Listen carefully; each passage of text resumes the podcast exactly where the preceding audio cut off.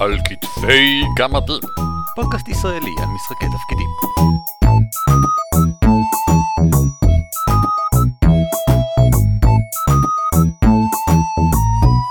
שלום וברוכים הבאים לפרק 142 של על כתפי גמדים, פודקאסט ישראלי העוסק במשחקי תפקידים. שמי הוא ערן אבירם.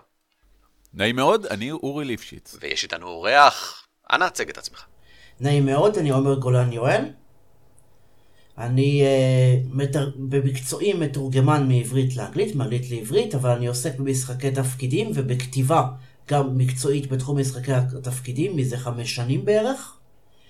הוצאתי כבר בעבר ספר שנקרא Outer Veil, זו שיטה שנקראת Traveler, שיטת הנוסע, uh, שהוא בסביבות המאה עמודים, יצא ב-2011 וזמין uh, לרכישה כ-PDF. כיום אני עובד על עוד ספרים, יש ספר אחד שאני... Uh, עשיתי כפרילנסר עבור חברת אוטארק, שיוצרת את אה, Adventure Conquer King System, או X, אה, שגם כן בהיקף של 70 אלף מילה, אני קיבלתי על הפרטת התשלום, זה באיזה שהם תהליכים. אה, אם ירצה השם, זה כמובן יגיע בסופו של דבר לקיקסטארטר, עוד כמה חודשים.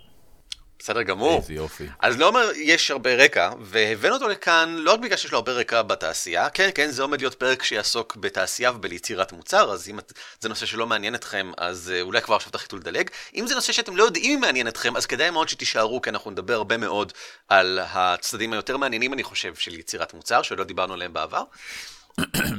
ובכן, קודם כל, אה, ערן אמיתי המלומד טועה לחלוטין. אתם צריכים להמשיך להקשיב לפרק הזה, כי הפרק הזה הולך לדבר על איך כותבים תוכן ברמה גבוהה לעולם משחקי התפקידים. וזה משהו שכולכם וכולנו צריכים לשאוף אליו. בין אם זה ההרפתקה שלכם בבית ובין אם זה משהו שאתם הולכים להוציא לשוק, לדעתי, אם אתם יודעים לפחות מה הסטנדרט בתעשייה ומה בעצם מפריד בין אה, וואלה, הנה משהו קטן שאני אריץ היום בערב בבית, לבין וואלה, הנה משהו שאנשים מוכנים לשלם עבורו, חשוב לדעת מה הסטנדרטים ומה ההבדלים. עכשיו, זה חשוב במיוחד, אני חושב, עכשיו, בגלל שממש לאחרונה נפתחה ה-DM's Guild, אה, וכל אחד יכול למכור מוצרים למבחרים ודרקונים 5 באופן רשמי דרך האתר שלהם. וגם נפתחה חנות גיבורים אה, בישראל, שדרכה אפשר למכור מוצרים, וזה מאוד קל לעשות את זה גם כן, דרך אגב, בעברית, לקהל ישראלי. אז היום קל יותר מתמיד לעשות את זה. עומר, אתה כתבת בקבוצת שחקני תפקידים ישראלים בפייסבוק, איזשהו אה, tract כזה, חמש עצות, חמישה טיפים למי שכותב חומרים, תוכן וספרים למשחקי תפקידים. פתאום כאיזושהי הודעה. זה, זה מה שגרם לנו לרצות להביא אותך לכאן, כי כל נקודה שם בונבון, ואנחנו נדבר עליהן כאן. למה, מה גרם לך לרצות לכתוב את זה פתאום? זה היה, זה היה בדיוק אחרי שסיימתי את אותו ספר של Adventure Conquer King, אה, שהוא 70 אלף מילה, אז רציתי לשתף מהחוויות שלי. הספר הוא הוגש לחברה לפני כשבועיים. וזה בערך התקופה ששיתפתי. עכשיו כמה רקעים אולי, כי אנחנו מדברים קצת על Adventure Conqueror King Kong, אז נדבר עליה מן הסתם עוד מעט בהמשך. אה, רק קצת רקע למי שלא מכיר, על מה השיטה, למה היא נקראת Adventure Conqueror King, אה, ובאיזה מין סגנון זה. ותרגיש חופשי להוסיף כמה מהנקודות שהופכות את המשחק הזה לכל כך אוסם מכל מה שקראתי עליו. אה, מדובר למעשה בגרסה שמבוכים דרקונים יותר קלאסי, שלמעשה בנו אותה מחדש, זה כמו שלוקחים אוטו ובונים לו את המנוע מאפס, כדי שהיא תהיה עם היגיון פנימי מבחינה כלכלית ופוליטית. הרעיון הוא שאתה מתחיל בתור adventurer או בתור הרפתקן, רגיל כמו כל הרפתקן אחר שחוקר מבוכים, הוא נמצא בכל מקום בעולם, אבל כשאתה צובר עוצמה וכסף, אתה נעשה כבר conqueror, אתה נעשה כובש, אתה מתחיל לתפוס כוח פוליטי בעולם המשחק. בסופו של דבר אתה מגיע להיות king, אתה נעשה ממש מלך או שליט או רב מאג, או, או יכול גם להפוך לאלמט ולבנות גלמים. אה, מה שיפה בשיטה הזאת שהכל מובנה בצורה מאוד מהודקת. זאת אומרת, אותם בסיס כלכלי שלפיו נקבעים המחירים של החרבות שאתה קונה בדרגה הראשונה, זה הבסיס שמחושב לפיו ההכנסה שלך אחר כך שיש לך גילדת גנבים או שאתה משתלט על טריטוריה. יש חוקים של ניהול טריטוריה למעשה, בצורה פאודלית, שאתה יכול ממש להפוך לשליט לכל דבר. אה, ויש הרחבה שמאפשרת גם ממש קרבות של צבאות גדולים. בסופו של דבר מה שיפה מזה זה אותו, אותה מערכת שאתה מגיע לדרגות גבוהות ואתה עושה דברים חוץ מלהרביץ מפלצות. אז זה ממש בסיס מצוין נשמע בשביל משחק בסגנון ארגז חול. בדיוק, לזה הוא נועד למשחק בסגנון ארגז חול, זה התפקיד שלו בסופו של דבר.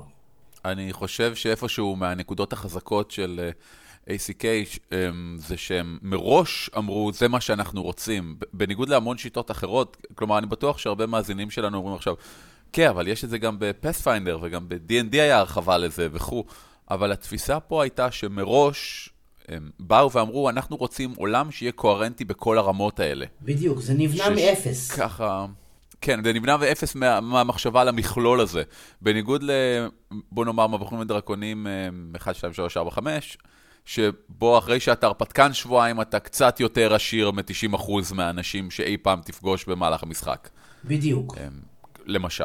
חשוב לציין שגם לשיטה הזאת, גם לטרוור וגם לך, עומר, באופן כללי, יש נטייה חזקה לעבר ה-old school וה-OSR באופן כללי, ה-old school renaissance. זה לא מאוד קריטי, אני חושב, לשאר הנושאים שלנו לדבר הלאה, אבל כדאי, לדעתי, שהמאזינים ידעו מה ההטיות שלנו לפני שאנחנו נכנסים לכל דבר. בסופו של דבר, מה שאני אוהב בסגנון של אולד סקול באמת הולך יותר לארגזי, לכיוון של ארגזי חול. אה, הרבה משחקים מודרניים, לא כולם, אבל הרבה משחקים מודרניים יותר נוטים לכיוון עלילתי מאוד חזק, אה, שבו יש איזשהו כיוון אחד או כמה כיוונים מוכנים מראש להרפתקה ולקמפיין. במקרה של אולד סקול זה יותר, אתה יודע, הקוביות נפלות איך שהן נופלות, העולם מתנהל איך שהוא מתנהל, יש תוצאות למעשים שם בעולם, תעשה מה שבא לך, נותן המון חופש לשחקנים. בנוסף לזה, רוב השיטות האלה גם אה, יחסית לא כבדות, אמנם הניהול הממלכה אחר כך ב-X נעשה קצת יותר מסובך, אבל הבסיס מאוד פשוט. ובנוסף לזה, הרבה פעמים גם יש עניין של אה, סיכון מסוים למוות לדמות, הדמות צריכה לקחת אמצעי זהירות, ולא רק לרוץ קדימה ולהרביץ, כי בזה היא תהרג. מצד שני, הדמות נהרגת, ליצור דמות חדשה לוקח 5 עד 10 דקות. אני חושב שזה, אמ, אולי בעצם עכשיו אחרי שאתה אומר את זה, פתאום אני חושב לעצמי שזה כן רלוונטי לנושא שלנו, כי זה למשל אומר שאתה לא כותב הרפתקאות מוכנות. אה, הדברים שאתה כותב הם... ובכן, בוא נתחיל לדבר עליהם בעצם. בוא נתחיל לעבור אחד אחד על הנקודות שהעלית ונדבר על איזה דברים אתה כותב, תוך כדי שנתקדם. הנקודה הראשונה שלך, כתיבה היא עבודה. התייחסו אליה בהתאם לפחות כמו חצי עבודה. אני מקריא ממה שכתבת, כי אני חושב שכתבת יפה. כן, אני, אני כבר רוצה לשנות את זה, לא כמו חצי עבודה, אלא לפחות כמו עבודה במשרה חלקית. אני חושב שהדגש זה, במקום. זה תלוי למה אתה כותב. אם אתה כותב באמת במטרה מסחרית, זה עבודה לכל דבר.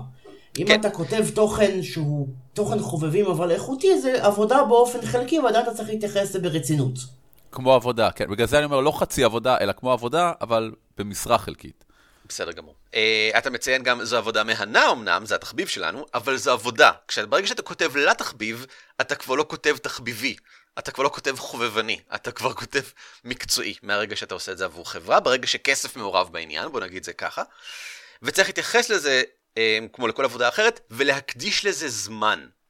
זאת אומרת, ישנו זמן במהלך היום, שעה, שעתיים, שלוש, שבע, שאנחנו אומרים, בזמן הזה כותבים כמו שבזמן הזה אני ב... לא יודע איזה עבודה שכל אחד מאיתנו נמצא בה. אורי, אתה עושה משהו עם מחשבים, אני יודע. אני עושה משהו עם מחשבים, זה נכון, עם הרבה מחשבים. אמ, וזה לא אמור להיות על חשבון זמן התחביב שלכם. זה לא שבזמן התחביב, כאילו, אתה רוצה להגיד, כן, יש לי משהו כמו 7-8 שעות בשבוע שאני מקדיש לתחביב שלי. חלק מזה יוקדש לכתיבה. זה לא יעבוד. אמ, אתה חייב שלא להסתכל על זה כתחביב. אתה חייב להבין שאם אתה כותב, אז התחביב שלך מצטמצם. זה לא שעכשיו חלק מהתחביב שלך הוא גם כתיבה.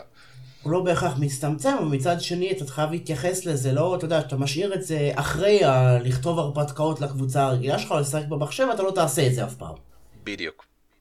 אז איך אתה היית אומר, אפשר להתייחס יותר בכבוד לכתיבה? איזה טיפים, איזה דרכים אתה משתמש בהן כדי לזכור שכתיבה היא עבודה?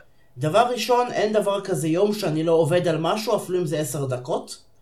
אה, אני מעדיף לפנות לזה זמן, במקרה שלי שאני פרילנסר בתרגומים, אז כמובן שהעבודה הרגילה שלי גמישה בשעות, אם יש לי יום שיש לי פחות עבודה בתרגום, אני אעבוד במקום זה בזמן שהוא מתפנה לי על העבודה של משחקי תפקידים.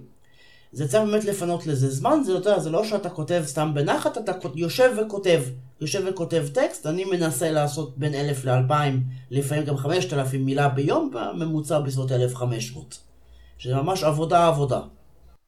ואיך אתה מכריח את עצמך לעשות את זה? אני סקרן. אני מתייחס לזה בדיוק כמו כל עבודה אחרת שיש לי בתרגום או במחקר רשת או בסיכום חומר. פשוט מתייחס... אתה אומר, אני צריך להתפרנס.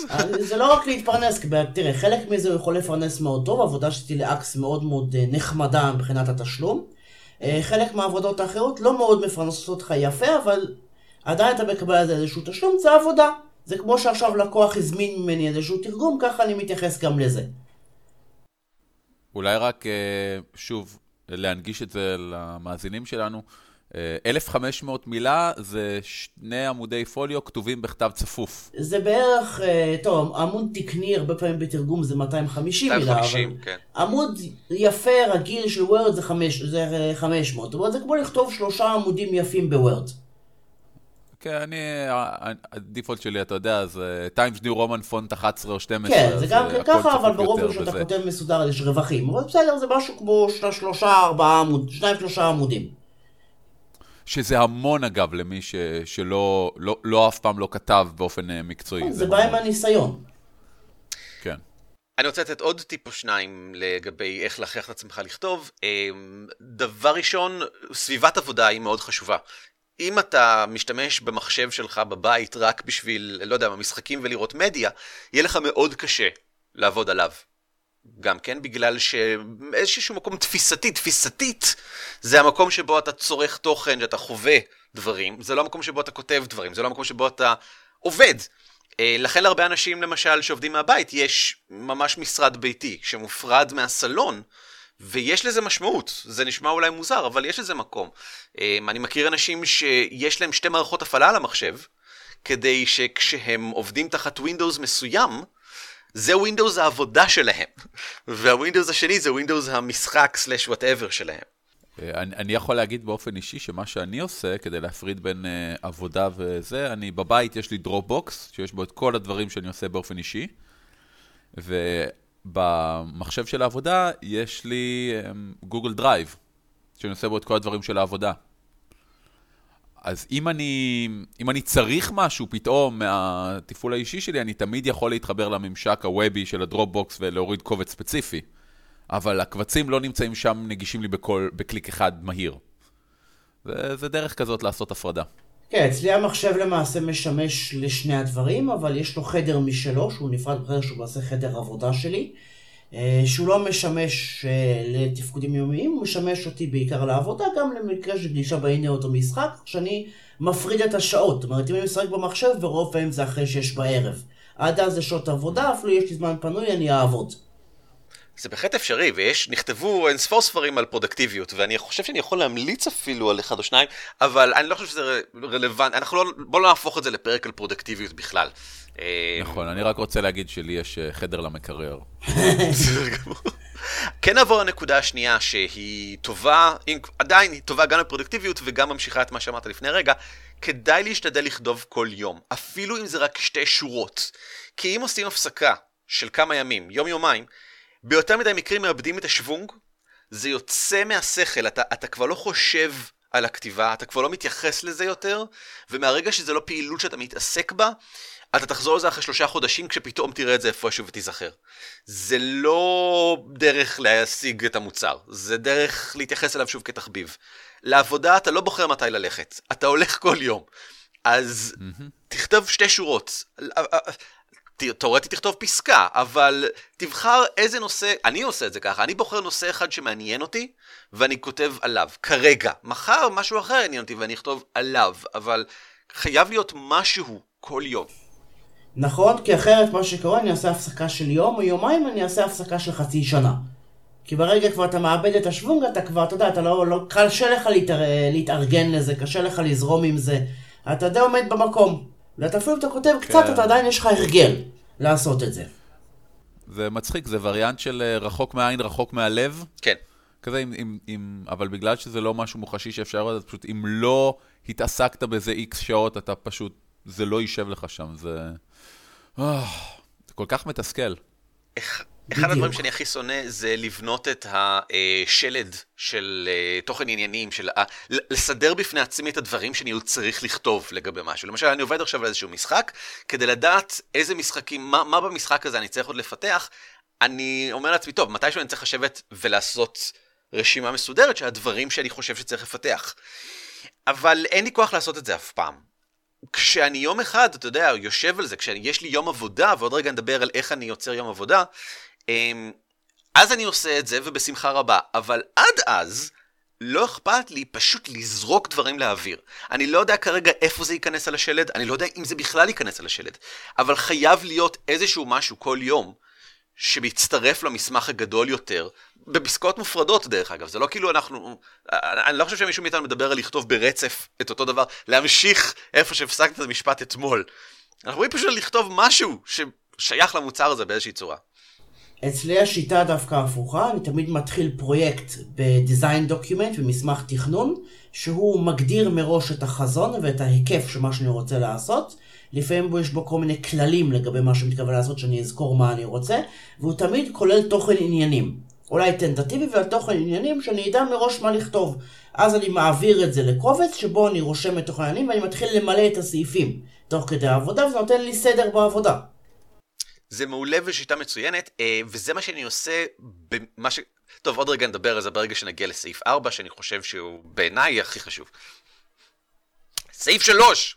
תקראו כמה שיותר חומרים שונים ומשונים של משחקי תפקידים שאנשים אחרים כתבו, מכל מיני סוגות ומכל מיני שיטות. אתם לא תעתיקו מהם כמובן, אבל עצם הקריאה, ובעיקר כשהיא ביקורתית, מפרה את השכל. כמה שיותר תקראו בשיטות, עולמות, הרפתקאות, חוקים של יוצרים אחרים, תשפרו את יכולת היצירה שלכם בתחום. ואני לחלוטין מסכים. אמ, זה העשרה, הפריה, הכתבת ואני מאוד אוהב את זה. צריך לשקוע בתוך עולם התוכן והחשיבה התאורטית שלו, אם אתה רוצה אי פעם להיות חלק מעניין ממנו. אה, בעיקרון, חשוב להבין שהטעות הכי נפוצה ביצירת משחקים, בייחוד אם אתה כותב שיטה, זה נקרא פנטזי הרדברייקר. זה בעיקרון, כן. אתה לא, לא מודע לעולם המשחקי התפקידים יותר מזה ששיחקת D&D, אתה כותב שיטה. עכשיו השיטה הזאת יכולה ליפול בכל הטעויות של שיטות אחרות, יכולה סתם להיות דומה לשיטות אחרות ופחות טובה מהן. והמודעות למה קורה, מה קורה סביבך באותו עולם, במקרה שלי ב-OSR, במשחקים אולד סקול, אז מאפשר לך לבנות משהו שיהיה יעיל. ושבאמת יתאים לזה, ושלא תחזור על טעויות ולא תמציא את הגלגל מחדש. אנחנו מזכירים שוב פעם שאנחנו רוצים לדבר כאן על כתיבה באופן מקצועי של ממש. אם אתה רוצה באמת לפרסם משחק, אז לכתוב משחק שמישהו אחר כבר כתב לא, לא נותן כלום. אם אתה בא בתלונה עכשיו ואומר, רגע, מה, אני רוצה לשחק עם השיטה שלי, איך שמתאים לי, מצוין, שחקו בבית מה שאתם רוצים. אנחנו לא מדברים על מה אנחנו עושים בבית עכשיו, זה בדיוק הנקודה. הם חייבים להכיר קצת את הקהילה, אני חושב גם כן, כדי לדעת איזה מין דברים כן, רוצים. חלק, חלק מאוד מרכזי מזה, אתה יודע, זה שאתה צריך לדבר עם אנשים, אתה צריך להציע את הרעיון לכל מיני אנשים. כן. אני נדיר שאני מחליט על איזשהו מוצר לבד לגמרי מהראש שלי, ברוב פעמים יש אנשים שאני מדבר איתם על זה. אה, אני, וואו, אני ממש ממצב את עצמי בהקלטה הזאת כהמתנגד. אז קודם כל, ערן, אני מתנגד. מצוין. אני מתנגד. אתה, לא רק שאתה טועה ומטעה, אתה גם סוג של מפציץ אמריקאי ממלחמת העולם השנייה. כלומר, וואלה. לא רלוונטי כרגע. אה. מה שאני רוצה, אה, מה שאני רוצה להגיד זה שמלבד הדברים שאמרתם על כמה שזה חשוב להכיר את הקהילה ולא ליפול בבעיות שאנשים אחרים עשו וכו', אני ממש לא מסכים שזה רק לכתיבה מקצועית. אני רוצה לספר רגע על, אה, כשעשינו את כבשן הגמדים הראשון, לא שיש שני עדיין, אבל כשעשינו את כבשן הגמדים הראשון, אה, באו לנו כל מיני אנשים עם כל מיני הצעות, שבבירור זו הייתה הבעיה שלהם, שהם לא הכירו. כן. אה, מספיק את העולם ואת התוכן, והיה לה המון הצעות שהיה להם באמת בעיות של נעורים. בעיות של וואלה, אני, אני לא מכיר אף שיטה חוץ מהבחורים הדרקונים, אז לא חשבתי על דרך יותר יעילה לעשות את זה. מעבר לזה, העניין הזה של אה, להכיר, כמובן בכתיבה חובבנית זה יכול לעזור, אבל כשאתה מריץ משהו לקבוצה שלך בבית, זה נסלח עדיין. אתה מריץ משהו ש... זה נסלח, מה שחשוב כן, זה אבל... שהקבוצה תהנה. אבל ברגע כן. שאתה כותב משהו שאתה רוצה שיהיה לו קהל מעבר לקבוצה הביתית, אתה חייב להכיר את העולם הזה. לא על זה אני מדבר, אני מדבר על, על טקטיקות ומכניקות, ב, לא, לאו דווקא מכניקות uh, של משחקי תפקידים, אלא מכניקות, uh, מבנים נרטיביים למשל. בדיוק. כשאתה בא להריץ משהו לחבר'ה שלך בבית, אם אתה לא מכיר הרפתקאות כתובות, אם אתה לא מכיר uh, את כל uh, תפיסת הלבנות אינקאונטר uh, בחמישה שלבים, אם אתה לא מכיר את תפיסת עלייתו ונפילתו של גיבור או נבל, אם אתה לא מכיר את תפיסת ה... Uh, דנומינה, איך, איך לעשות לתרגם את זה לעברית? אמ, הונגריה. הונגריה, אם אתה לא מכיר את תפיסת ההונגריה, את הדנומינה, את מבנה העלילה הולך ומסתבך עם ההשתחררות שמובילה לקתרזיס בסוף. כל דבר שתנסה לעשות, גם אם אתה מנסה לעשות אותו רק בבית לכמה חבר'ה שאתם משחקים 20 שנה ונורא כיף לכם מה שאתם עושים, יהיה יותר קשה לעשייה, כי אין לך את הכלים הנכונים, אין לך שמות לתת לדברים ש, שתוקעים אותך, בדיוק. שנותנים לך את הפתרונות. אמ, זה עד כדי כך פשוט, אלה, בעיניי לפחות, רוב הדברים שאנחנו מדברים עליהם פה, ובייחוד הסעיף הזה, זה לצבור כלי עבודה בארגז הכלים שלך. כן.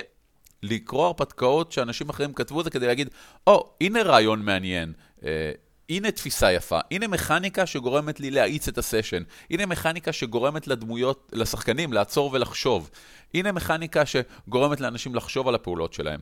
ואז פשוט אתה יכול להשתמש בזה גם אם זה לא אה, משהו לקהילה, אבל על אחת כמה וכמה, כשזה לקהילה ואתה לא מכיר את האנשים. הנה תפיסה מכנית שמאפשרת לי לגרום לכל מי שישחק כמעט בהרפתקה הזאת לאווירה מסוימת, לחשיבה מסוימת. הפרק הראשון של על כתפי גמדים, הראשון הראשון, אה, עשיתי ראיון עם היוצר של שיטת א' א' א' הישראלית. ובמהלכו שאלתי אותו הרבה לגבי כל מיני דברים, והתקבל הרושם, אני חושב די ברור, שהוא לא מכיר הרבה מאוד שיטות וסגנונות ואנשים אה, וביקורות על משחק התפקידים. ו... והוא לא היחיד, יש עוד מספר פעמים מאז יצא לפגוש אנשים שכשאני אומר להם נקודות פגיעה לא כל כך מתאים פה, אתם מכירים אולי שיטות אחרות, אולי דרך אחרת לייצג פגיעה או משהו כזה, והם אומרים, טוב, אפשר כמו במרוץ צללים. שכשאתה נפגע אז אתה הם, אה, נעשה יותר חלש או משהו כזה. אני אומר, לא, לא, אני מתכוון למשהו אחר לחלוטין. אתם, אתם מכירים פייט? אתם מכירים כאילו איך שנזק יכול להיות מיוצג בצורת אספקט? אה, כאילו, הרעיונות האלה מוכרים לכם?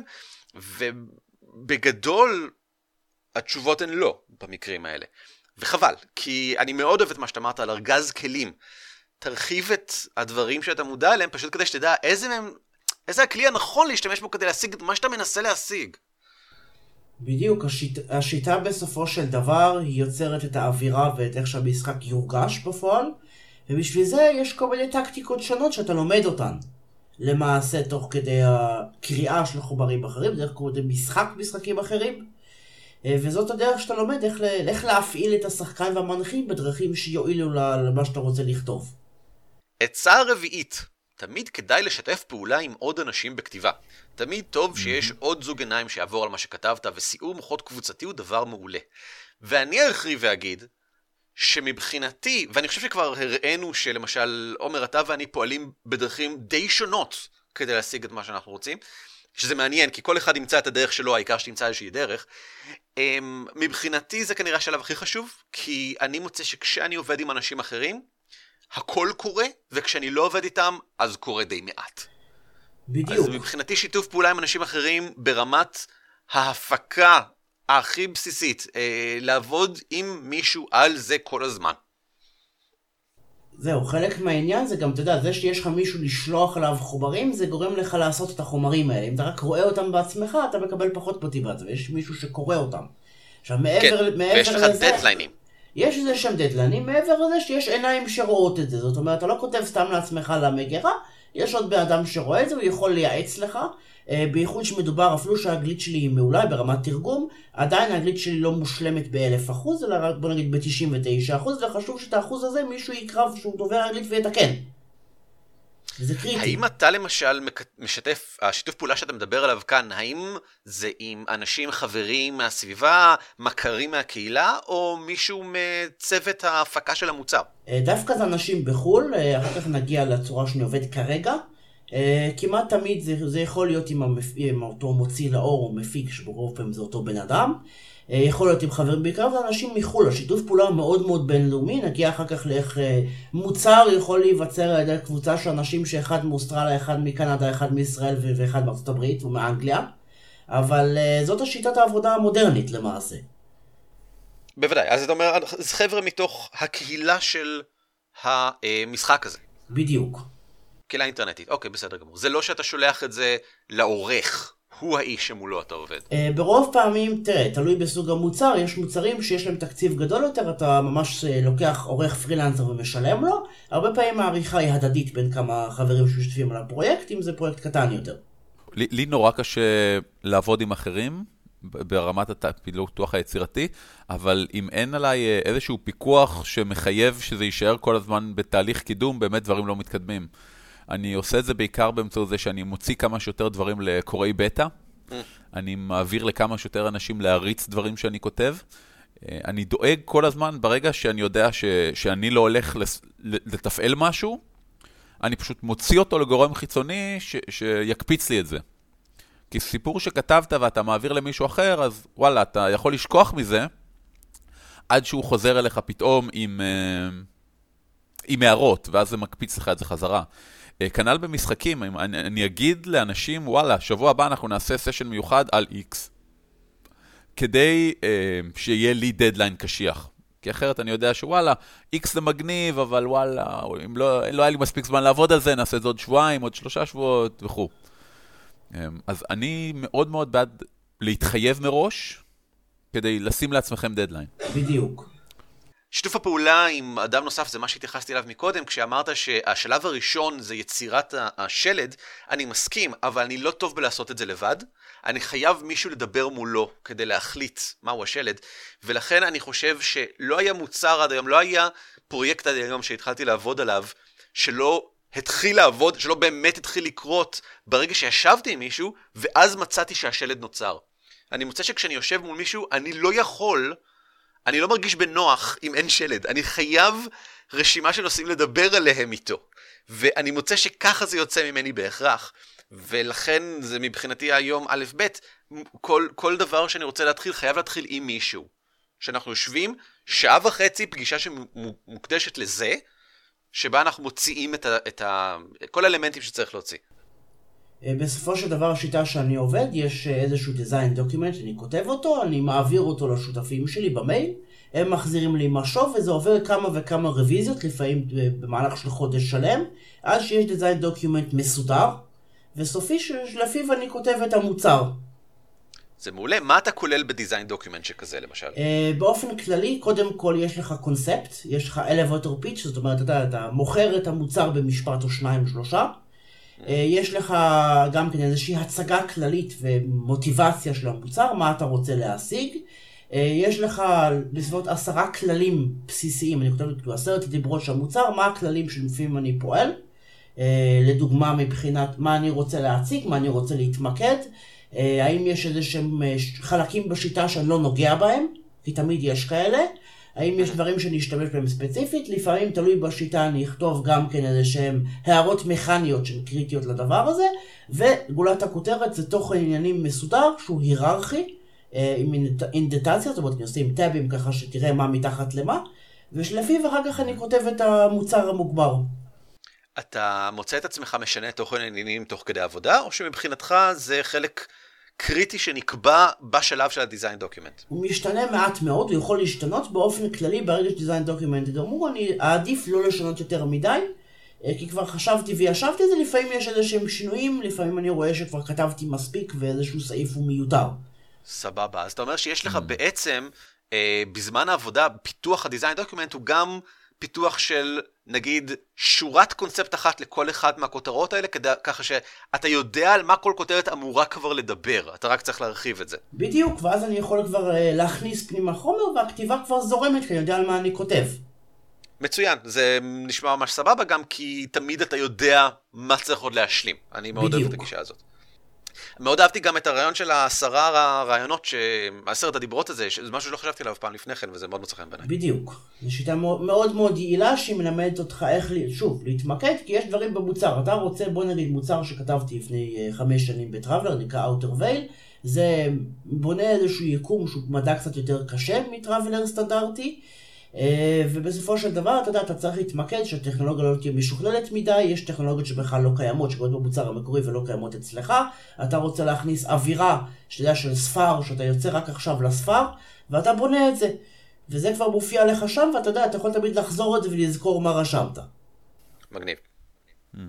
זה גם טוב מאוד גישת ה top down הזו, שתמיד אתה יודע איפה אתה עומד. בדיוק. וואלה, עשיתי 20% מכמה שאני צריך, וואלה, אמ, הנה רק עוד שני פרקים וסיימתי, זה נותן מטרה לשאוף אליה, וה-target's always in sight. אתה עדיף גם שתקבע איזושהי אה, הערכה גסה כמה מילים זה צריך לצאת, שאתה כותב כפרילנסר למישהו, כמו שכתבתי לאקס, אז יש לך כבר יעד שנקבע מראש למילים, כי אתה מקבל לפי זה תשלום.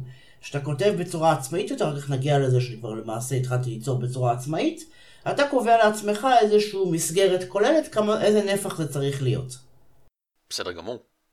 נקודה חמישית, שחקו משחקי תפקידים שולחני. אה, ונסו כמה שאפשר את מה שכתבתם בתוך המשחק, זה מאוד יעזור לפיתוח.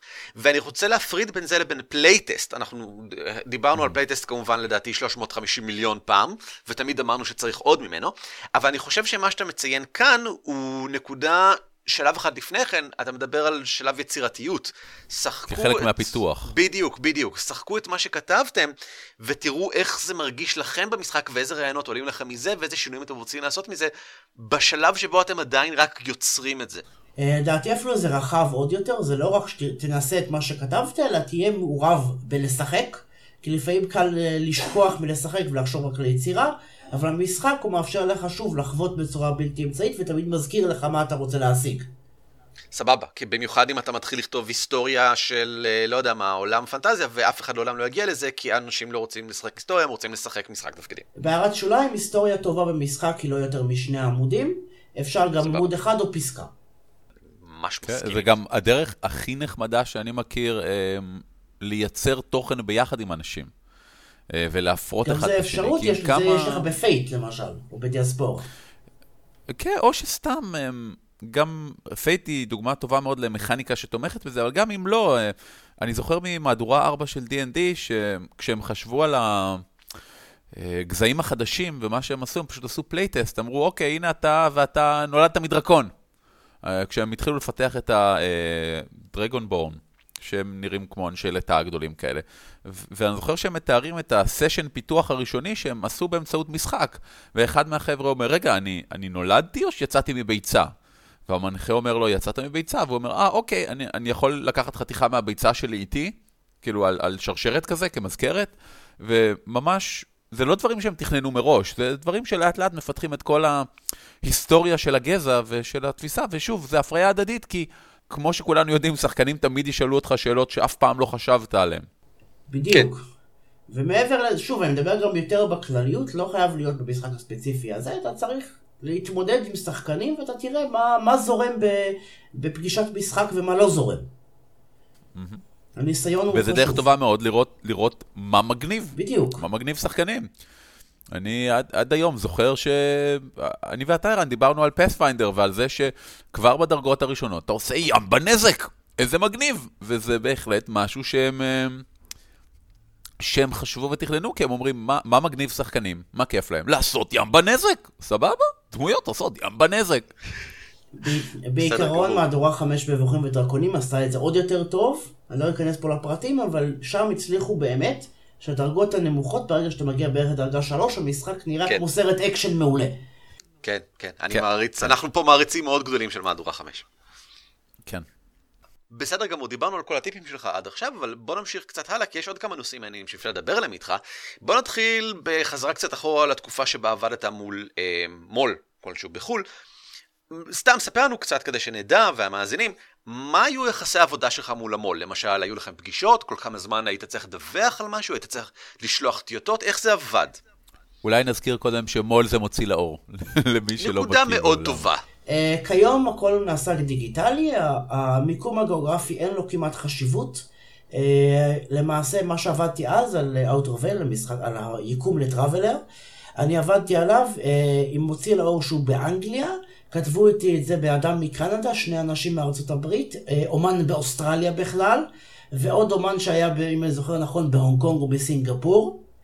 אה, וכתבים את זה ביחד, הכל נעשה במייל, אני לא פגשתי את האנשים האלה פיזית, רק אחר כך פגשתי אחד מהם, במקרה שהייתי בארצות הברית, והכל נעשה במייל. יש, ברוב פעמים אין לך דדליין גמיש, אה, אין לך דדליין קשיח מדי, הרבה פעמים זה יהיה מוכן כשזה יהיה מוכן באיזה סדר גודל של זמן, כי זה קשה מאוד לנבא. השיטה, שיטה אחת זה לקבל תשלום לפי מילים, זה הרבה פעמים שני סנט למילה. שיטה אחרת אתה מקבל סכום אה, מוסכם מראש, יש כל מיני שיטות חלוקת תשלום. למשל, מה עשיתי עם אקס, התשלום היה אה, מחולק למקדמה של חצי מהסכום, אחרי זה רבע מהסכום שחצי מהעבודה מוכנה, ועוד רבע שהכל מוכן. אז איך הם יודעים מתי חצי מהעבודה מוכנה? זה לפי מילים. אותם? זה יש איזשהו מספר מילים מוסכם, הם מקבלים, שזה חצי מוכן, הם מקבלים uh, במייל למעשה את אותה טיוטה שהיא חצי מהנפח בערך, שזה מוכן מקבלים את הטיוטה הסופית. עכשיו, מה קורה אם הם מקבלים חצי טיוטה והם אומרים, אה, לא מוצא חן בינינו X, Y או Z, היינו רוצים את זה אחרת. הם זה יכולים קורה? לבקש לתקן, במקרה הזה ביקשו ממני תיקונים מינוריים, אני גם התכתבתי איתם תוך כדי במייל, לגבי כל כדי מיני נקודות. לוודא שהם מקבלים את מה שהם רוצים? אה, גם כי, תראה, זה היה עם היוצר של אקס, אלכסנדר בטליס, כן. שהוא הוא מבין כמובן מצוין את השיטה שלו, אז בכל מיני נקודות של מכניקה למשל הייתי מתייעץ איתו. הרבה פעמים, סבבה. העבודה היא, היא הרבה פעמים דו-כיוונית, שיטה שעבדתי על האוטרוול, יש גם פורום שדרכו כולם שותפים בפורום, זה קצת מיושן כיום, וגם כן יש לך דיון, הרבה פעמים אתה מעלה כל מיני טיוטות, והדיון נמשך תוך כדי. האם עשיתם אה, הנגאוטים, מפגשים בווידאו, באודיו? לא, זה נעשה במייל ובפורום, אפשר גם לעשות וואלה. את זה ככה. אבל המייל הוא כלי מאוד נוח, כי אתה יודע, אתה מקבל קבצים, אתה מקבל, זה, אתה יודע שיש פערי שעות של 7 עד 10 שעות, הנגאוט בווידאו לא תמיד נוח. ובמייל אתה אז מקבל את זה, למשל- אתה מקבל. למשל, את ה-design documents הייתם מעבירים, היית מעביר במייל, ב... ואז כולם היו עונים ב-reply all ומציעים הצעות וככה מתק... מתפתחים? כן, זו השיט, זו השיטה לדעתי הכי, הכי נוחה כשאתה עובד ברמה עולמית, כי אחרת אתה תתחיל להתעסק עם אזורי זמן וזה מאוד לא נוח. בסדר גמור. עכשיו, שאלה אחרת לגבי הקהילה של המוצר. מה היחס שלך אליה? זאת אומרת, מאיפה הגיעו כל החבר'ה האלה? אני מניח שאתה מכיר אותם שותף- מפורומים. אני שותף לפורומים, תראה, כיום כבר יש לך גוגל פלוס ויש לך פייסבוק, פעם זה היה רק פורומים. אז כשאתה כן. פעיל בפורום במשך שנים, אני חושב פורום של טראבל אני פעיל 12 שנה, אתה גם כן. מכיר את האנשים, אתה בסופו של דבר התכתבתי קצת אה, תוכן עצמאי, אחר כך הצעתי לבן אדם לכתוב תוכן, מזה הגעתי. ולאט לאט אתה בונה צוות, אתה, את האנשים האלה אתה מכיר מהקהילה, אתה, אתה צריך גם לדבר איתם ביומיום. והאם האנשים האלה, גם הם קיבלו תשלום? אה, תלוי, בהרבה פעמים שזה מדובר באיזשהו פרויקט, אז כן, כל אחד לפי השותפות שלו בפרויקט. אה, במקרה של אומנות זה לא, ברוב פעמים אומנות היא דבר נפרד, אתה מקבל לפי, כן. אה, לפי קובץ, לפי יצירה. אתה מקבל איזשהו תשלום שהוא משתנה גם לפי איזה רישיון משתמשים. בוא ניקח לדוגמה את ה-design document, נחזור אליו, כי העבודה עליו היא די הרבה עבודה והיא כן. בשלב מאוד מוקדם. כל האנשים שעבדו על ה-design documents היו אנשים שקיבלו כסף, או שגם פנית לחברים מהקהילה ואמרת, היי, בוא, בוא, בוא, יש לי איזשהו משהו שהייתי רוצה לשמוע דעות שלך עליו. אה, הרבה פעמים זה היה, לפעמים יש אנשים שאתה מתייעץ איתם גם מהצד מהקהילה, והרבה פעמים זה אנשים שהם בפרויקט, הכסף לא יקבלו על design document, יקבלו על המוצר המוגמר. או שאני. מתייעץ עם היוצרים של השיטה, שלמעשה הם- למעשה הם המו"ל. במקרה הזה, ואז הם אלה שמשלמים לי ולא ההפך. יש ניסיונות לייצר אה, קהילתיות בעניין הזה מהבחינה של אה, להזמין את כל העובדים על יצירה מסוימת לכנס או אחד או דברים דומים? יש פה עניין של עלויות הרבה פעמים, כי שוב, אני עובד בצורה עולמית, אז אתה יודע, להביא אנשים מכל קצוות העולם, יש בזה עולה לכולם כסף, זה אפשרי, אבל זה לא הכרחי. זה נוח להיפגש, למשל אני נפגשתי עם אחד משני היוצרים של אקס, שנקרא טוויס אליסון, הייתי במקרה בניו יורק, קבעתי איתו פגישה לפני שנתיים. וסידרתי את זה, אחרת אתה יודע, זה, זה, זה, זה, זה כשאתה עובד בארץ זה הרבה יותר נוח. רק עם אנשים בארץ אתה לא צריך, אה, אתה יכול לנסוע ואתה מסתדר. לרעננה נגיד. כן, בסדר גמור. אה, לגבי התשלום, יש, איך אתה מקבל כסף מחו"ל? זאת אומרת, זו השאלה באמת הכי טכנית בעולם, אבל אני חושב שהרבה אנשים נמצאו את עצמם תוהים. אה, האם אתה חייב להיות פרילנסר? מה זה אומר? אתה עוסק מורשה? איך זה עובד? איך אתה מקבל כסף ממישהו ש... מחברה שנמצאת באנגליה? בעיקרון, אה, אני עוסק פטור בתחום של התרגומים, יכול להיות שעכשיו שהמחזור שלי גדל מהתרגומים, אני גם אהיה עוסק אה, מורשה בסופו של דבר. לא אכנס פה לענייני מס, אבל אתה, כן. אני מקבל את התשלום ב PayPal, זו השיטה הכי נוחה. אה, אתה יכול כביכול להשתמש ב PayPal, גם לקבל את הכסף ב PayPal ולקנות משם דברים, אבל מבחינת אה, מס אתה צריך להפקיד לבנק שלך קודם.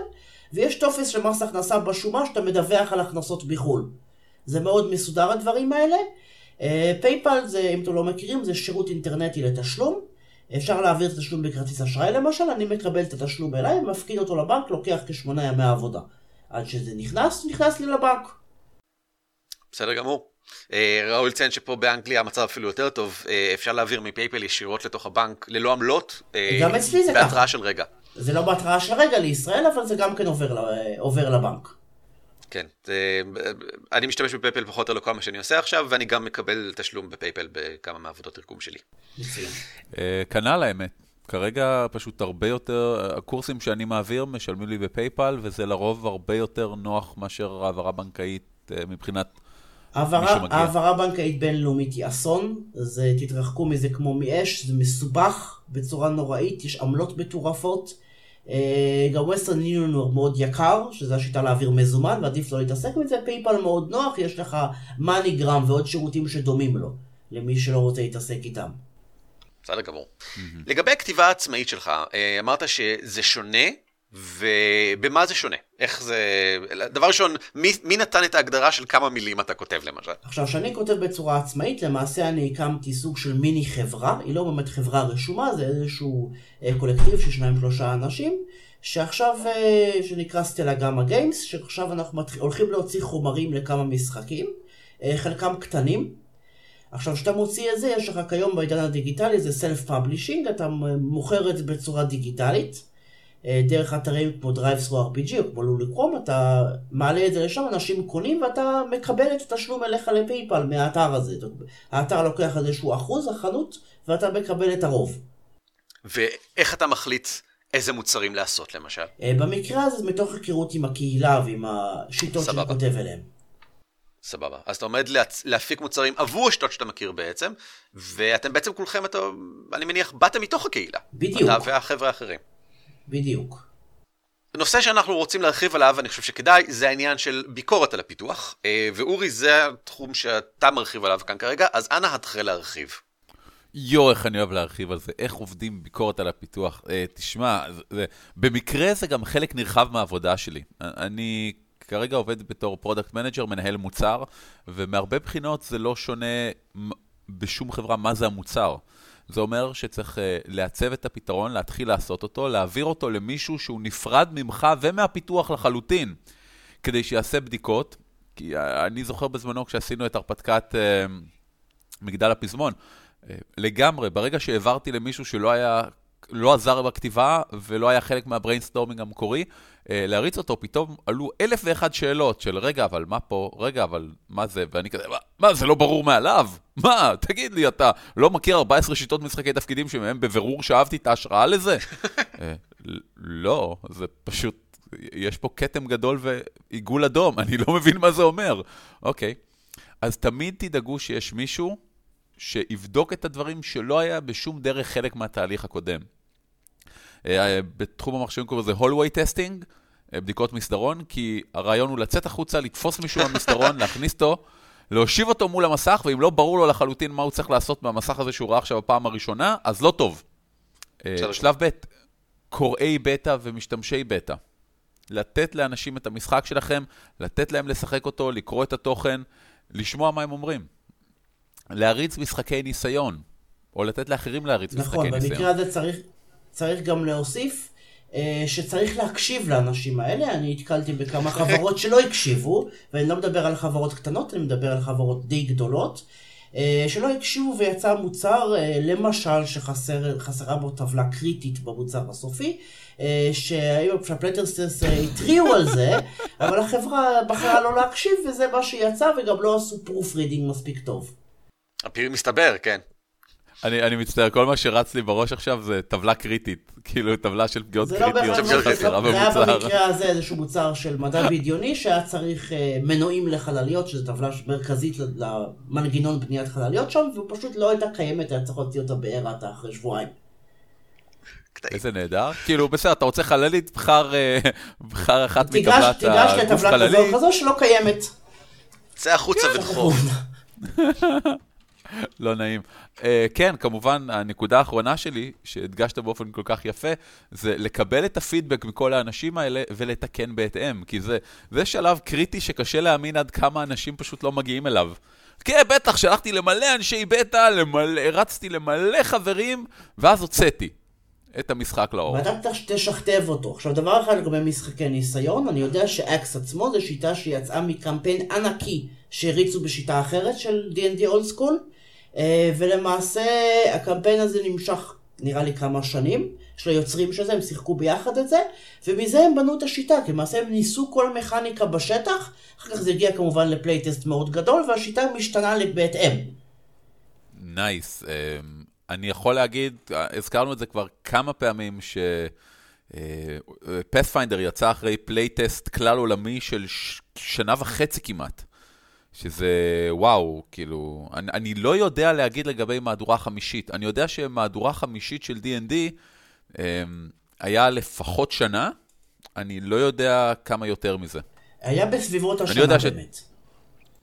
וזה מאוד ערב את הקהילה, מאוד מאוד ערב את הקהילה. עם סקרים כן. ועדכונים. ויותר גרוע מזה, רואים שהם הקשיבו. אני, אני חושב שהזכרתי את זה גם בפרק שעשינו על זה, שאני אני, אני אישית מרגיש חלק מ-D&D מהדורה חמישית, וזה מדהים, כי אני לא שיחקתי בה מאז שהיא יצאה. כן? כאילו, זה, זה אחד המשפטים הכי מטומטמים שיצא לי להגיד אי פעם. אבל ככה, היו לך עמדות נוקשות ורציניות לגבי דברים כלשהם במהלך הפיתוח, ועכשיו שזה יצא, כן. חלק מהעמדות האלה אכן שם, ואתה... יש רגש. אני מרגיש שאני חלק, כן. כן. אה, אפילו אם זה דברים מטומטמים, כמו הם עשו סקר של איזה מבין כל הלחשים של D&D, לדעתך, הם קנונים ואסור לוותר עליהם, ואיזה הם, כאילו, אפשר לוותר עליהם. ורשימת לחשים שיצאה בסופו של דבר הייתה דומה להחריד למה שאני כתבתי, ולמה שאני מניח שרוב האנשים כתבו לאור זה שזה נבחר. כן, כנראה. אותו דבר קרה עם, גם עם Traveller, גרסה אה, שנייה של Mongoose Publishing.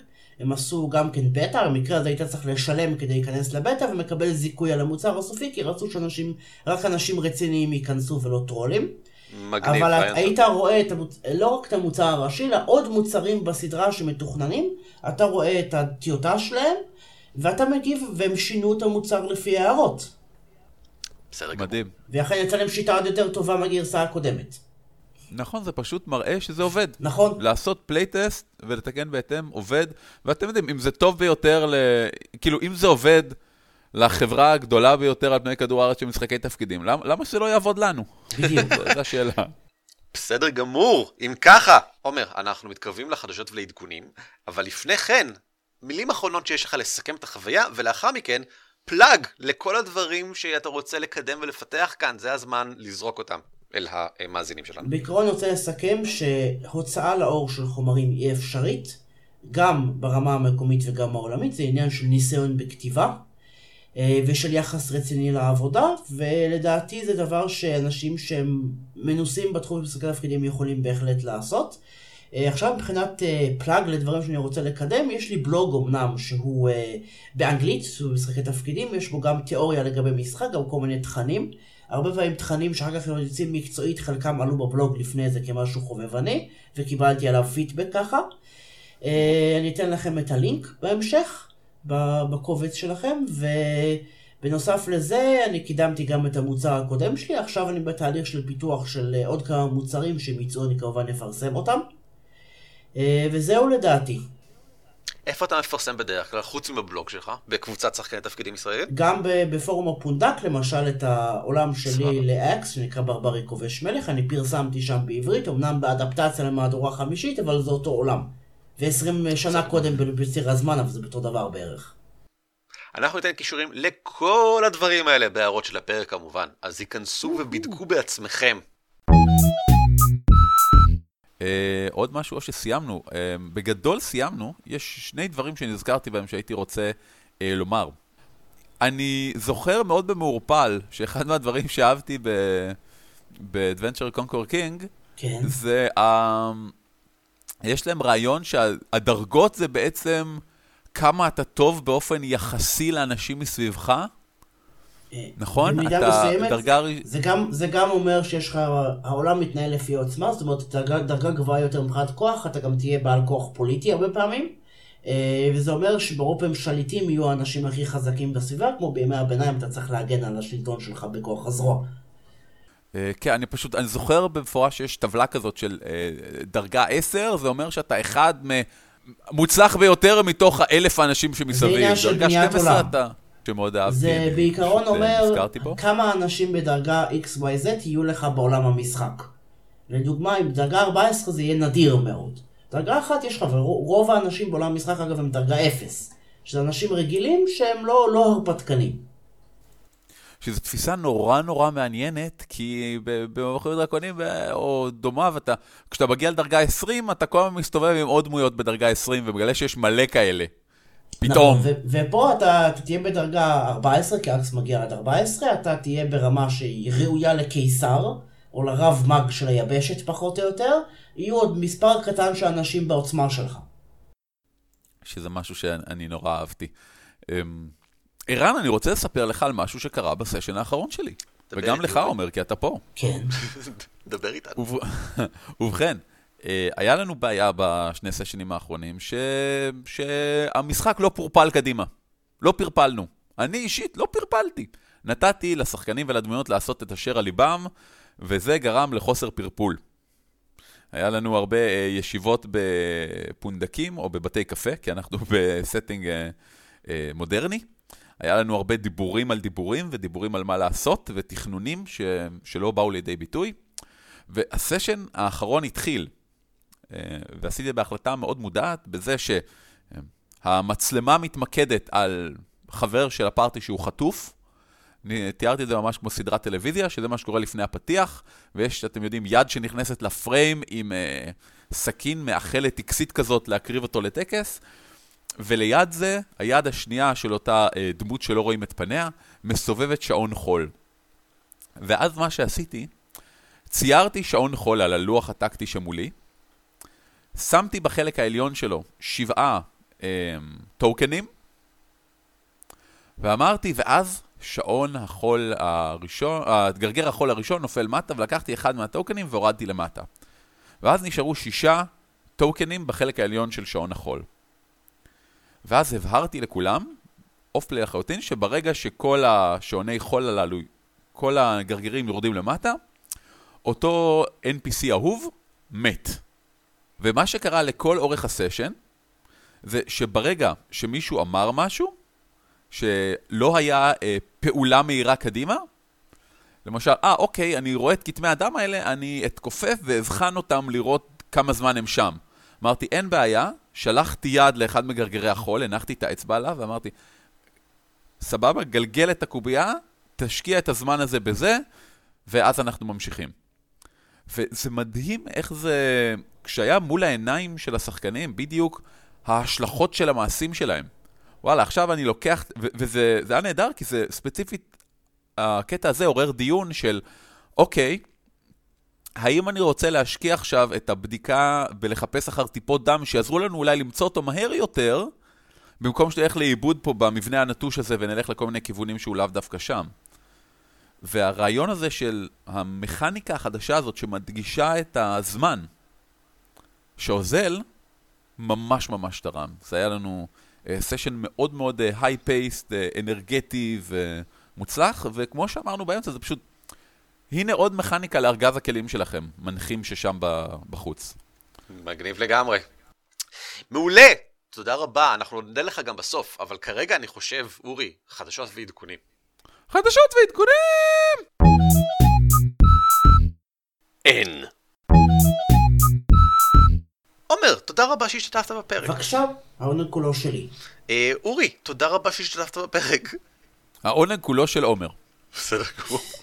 ותודה לכם שהאזנתם. אם אתם רוצים לשמוע עוד פרקים של כתפי גמדים, dwarves.org.il. אם אתם רוצים פרטים נוספים על עומר וחייו באופן כללי, יש את כל הכישורים שאנחנו ניתן כאמור לבלוג ולכל שאר המוצרים שהוא יפיק אל חלל האוויר. ואם אתם רוצים גם, אנחנו ניתן כישורים לפרקים נוספים שעשינו בעניין הפקת תוכן. עשינו שני פרקים שעסקו ביצירת הרפתקאות מוכנות, שזה סוג של ההפך מסוג התוכן שעומר בדרך כלל מפיק.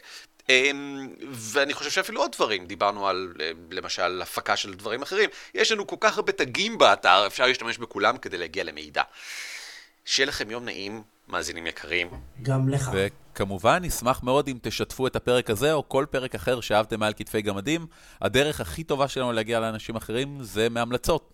אז אם נהניתם, תמליצו. ואם לא נהניתם, תתפוצצו. להתראות. על כתפי גמדים משותף ברישיון שיתוף ייחוס זהה Creative Commons 3. המייל שלנו הוא גמדים את roleplay.co.il והאתר שלנו בדוורבס.org.il. ניתן למצוא אותנו גם בטוויטר, פייסבוק וגוגל פלוס.